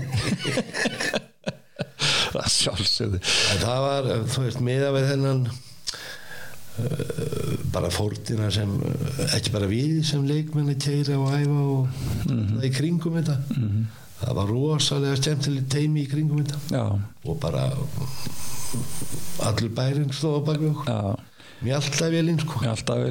Var þetta svona, kannski fyrir utan Evropi, nei, Evropi, hérna, ævintýri á sjálfsögur og atvinnum mennsku, var þetta svona mesta ævintýrið þitt? Já, þetta, var- þetta myndi mig ofta á sko árin hjá Lemko Já, það var svona, þetta var virkilega gaman já. Bærin, allir standi á bakviði og skemmtilegi leikir og stemming bæði í liðinu fyrir utanliði í bænum sjálfum það var bara frábært sko. já, það er ekki að segja neitt um það já, ég maður bara sér það á þér, að þú hefur mikla tögar til Selfoss, Mjög. mjög mikla tögar þar. Uh, við höfum þetta að að klára eitt hérna, það eru svona einhverja skemmtilega sögur sem þetta rifja upp á þessum ferli, það er nóg til að þeim geti ímynda mér. um, þú þú nefn, nú ert búin að nefna nokkrar sko, uh, Tjekko í gamla dag Té- já, tjekka við góðna það var eiginlega svona tvískipt saga við varum að fara til við varum að spila held ég, landsleik eða bara æfingamót í Bratislava mm -hmm. flugum til Prag og það er ekki einhver erfitt að tjá sig þarna í flugöfni um að framhaldsflug og svo bara komum farastjórnir það er ekkert flug Nei. Bara, þetta hefur klikkað eitthvað og við tókum hérna lest í sko 16 tíma já, en við áttum alltaf að panta sko já, bara vantaði eitthvað dúlk nema það að við förum þegar við komum hérna á hérna á- þá förum við erum á svona gísteimili fyrir utan Bratislava já, erum hann út á svölum nýkomnir og erum að græða okkur á æfingar þá kemur bara svona vörubíl með fangamæður allir bara í svörst og hvítu og keðjum og séferhundar og þeir eru bara að byrja að vinna það maður og grafa og leita við förum að náum í bara, bara mynda vel svo bara koma fjórar volkur og já, bara upp í mig alla og í burtu já. svo bara koma volkurnar og, og- og fyrir fram að hótelið og hér fer engin út fyrir allar filmur eru búið að skila öllum filmum og ná, skilu þessu öllu svo bara var ég komin heim þá sá ég bara myndar fyrir í DFF já, og fekk maður sjöðu skall fyrir fréttaskotið já þá var eitt sem hafði sett þetta í afturrendin og sem bara ekki þú var helviti gott það var ekki ég svo var einu sinni líka sko það var 84 hólupillu það var alveg það var svakalega gaman já, þú fer tvísar ólumpíuleikana Já, svo 88 þá ætlum við náttúrulega að verða ólipíum mistrar já, og við semjum ég að það er bara sami við atbyrreikandur okkar um að við fáum bara frí frá fyrsta mæ já, og við byrjum bara að æfa æfum tvo tíma á mótnana og tvo tíma á kvöldina hittum þetta og sprengir samt í háttegin og borðum saman já, og það er sett áfengisbann já og við, já, já, ekkert mál svo er bara æfum, æfum svo fyrir við hana til fyrir að fara til Vigo í Portugal í æfingumót og fyrir í æfingumótið og bara sumar og gott yður og alveg þræl gaman maður nema það svo fljúið til London tilbaka og svo þetta að fljúa heim nema Bobo kemst ekki í gegnum liðið maður sitt maður nei, Jó, pólski passin þegar alls Nei, hún kemur ekki hér hann inn. verð ekki Við lítum allir á hvort annar svona 20 Yes já, okkurlega sáttir Svo fórum við inn í bæ Já, svo fórum alltaf á villur já, fór alltaf hausinn já, Hún kom kallið þegar hún kom morgun lettin og var hann að fljúa með okkur heim og hún grunaði ímislegt Já. En móti var ekki fyrir sko fyrst oktober já, þú meinar Þá vorum við sko, þá unnu við sko í ágúst á fluglega mótið hérna já, Það voru okkur rússar, spánverjar, þjóðverjar, við unnum þetta allt. já, Svo gerðu við bara í bróki, já við varum bara búnir. Já, það er bara að tala almennt um það að bara að liða hefur bara verið sprungið bara orðið þreytt og hérna útkjört En á móti þá allt, allar þessar æfingar um sumarið og allt þetta, þetta var alltaf hjálpa okkur þá 89. Sko. Já, í Fraklandi Við toppformi og allir þeir sem hafa voru að spila Erlendi og svo annað, Já, þeir bara eftir að fengið smá kvíld, þeir áttu bara sitt besta tímbil. akkurat það var svona næsti, næsta sem ég ætla að leiði inn í sko, það var þið hérna, þið bombið þarna 88 Það byrjaði þetta byrja náttúrulega, þetta byrja ekki svona, hvað, 86 þá er svona, fer svona smá í gang. Já, og svo farið í 89 tækir byggjæmna Já. Eh, B-keppni var aldrei erfiðar en menn heldu að því þá voru þeir með austrið var, Já, var að vera með já hvernig var mómentið það er, að, hérna, það er bláa hafið flýgur út og, það var svaka þetta var náttúrulega alveg ótrúlega svona upplifir sem bara að, Já. þú veist. þetta er svona eiginlega fyrsta tókum þetta skipti eiginlega við töpum átti held í rúmenum Já, svo bara tökum ákvæmstalar og það var smá fíla út í Bóbó og fleira Mhm. og svona og við ákvæmum eiginlega bara herðu, eigum séns á að klára þetta já, það var bara svona samstæðan þá í liðinu að klára þetta já það bara bjargaði þessu Já, svo komur alltaf þessar vélar út þetta var alveg klikkað maður. já, bara loftbrú á milli út að borða konunda komur líka sko og Já. það var restur, svona hvítur dúkur allir gíslaði hann var svona rauðinskall Mhm.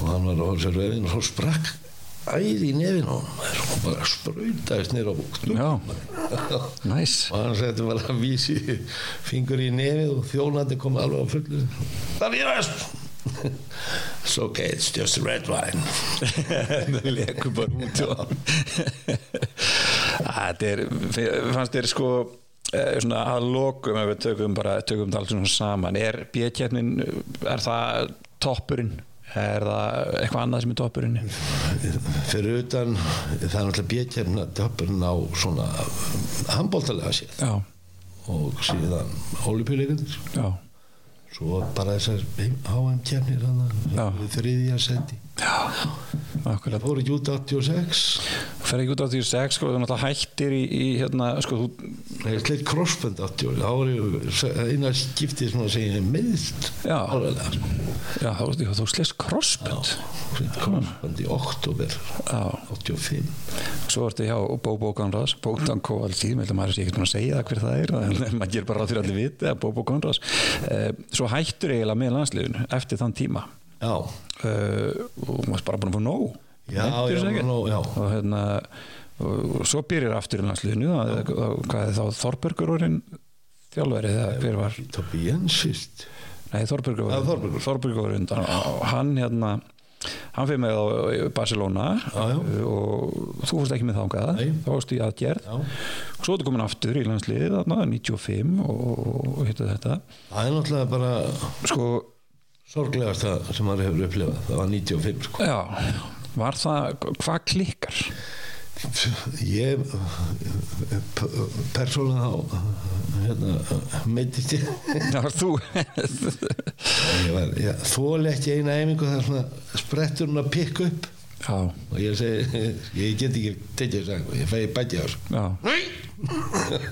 svo fekk ég náttúrulega í bæti og lá í tvær vikur Já, já, þurfti við ekki vorum í helviti þá var líka, þá vorum við búin að vinna sko spannverja svona rétt og undan og búin að vinna alveg og vorum í fanta formaður að- sko, Já, bara maður bjóst eiginlega við því að við- við værum að fara að vinna já, það var bara og væntingarna voru líka slikar sko. Já, og það maður bara lett sér hverfa eftir þetta móti í 23 vikur já en það er alltaf ótrúlegt að fengi að halda þetta mót fyrir utan það sko. það er nú bara kræft að klíka Það er eiginlega ótrúlegt sko og hérna, við höfum alla byggt handbóltahús Nei. almennilega síðan það, það er búið að byggja jú, ásvellina og ég er nú búin að hafa mörg sko handbóltamótin já, og hérna ég veist að við bara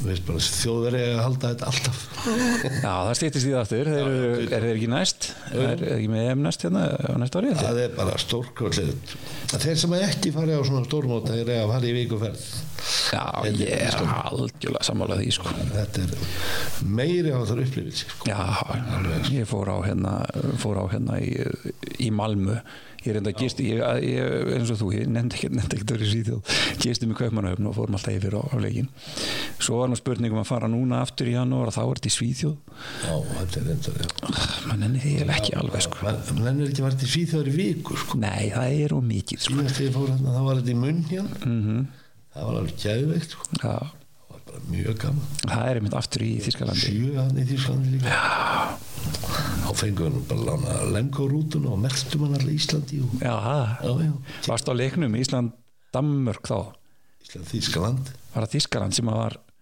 Dortmund það var nú ekki leikurinn sem var hérna framlengtur Jú, alveg- þá var ég komin heim þá varstu frá neym já það var handarleikur lítið Vítið Já Þú veistu hver ég horfði á hann? Hverki Ég var í Suður Afríku og ég var í einhverju svona smábæ og það var sem sagt ég var í einhverju sjálfbóðstarfi þarna eitthvað eitthvað svona dæmi og ég fór í mollið og fann eitthvað internetkaffi í mollinu og gætt fylst með einhverju en það uppfærið svo illa að mamma mín horðalegin sendi mér alltaf hvað staðan er hvað staðan er og svo að fólki sem var hjá þá búið að vera að býða eftir mér svo bara, þetta er bara, þetta er hálftími framlengt, ja, nokkra myndir framlengt það, er bara, það geta gert þetta svona, við litlu kallanir þetta færiðingarnir nú bara færiðar sko þeir eru 40 úrst eða 50 úrst sko hörku handbóltanir þeir eru að fara að vera svakalegir sko. það er ekki að setja hellingi hérna með þessi ekki og spjalla við erum búin að vera með allt og lengi hérna eh, eitthvað að lókum Já, ég bara ég á bara einu orska ég hérna, upplifi það að við náum einhvern tíðan Evrópu eða heimsmeistar til í handbólta já, og ég hérna það er séns núna já, alveg klálega að þurfum einn og einn stóran til að fara alla leið held ég já, heldur að gerist ég sko, sko það- það það er reyndar einn kostur hinliðin er ekki heldur að fá einhverja risa nei, skittur nei, þetta er orðið meira svona bara kerfusbolti Já, en, og hraður handbolti já, ég var bara skemmtilegur og já, ég ætla að það er óskinn að upplifa eitt til að verða að loka orðin hjá Sigurði Sveinsinni að velfum gull á stórmóti Yes, Sir. Takk hérlega fyrir að koma Siggi uh, ótrúlega mikill heiður að fá svona legend eins og þig það er ekkert hver sem er sem getur kastað kólkúlu hérna í hérna. Eh, Þið voru að hlusta á Handball Special og við erum að sjálfsögðu í bóði NetGiro og RAG umbóðsins sem er með Ceres 3 rafbílana aðeins eitt verð, ekkert annað Takk fyrir komuna Siggi takk fyrir sömulegis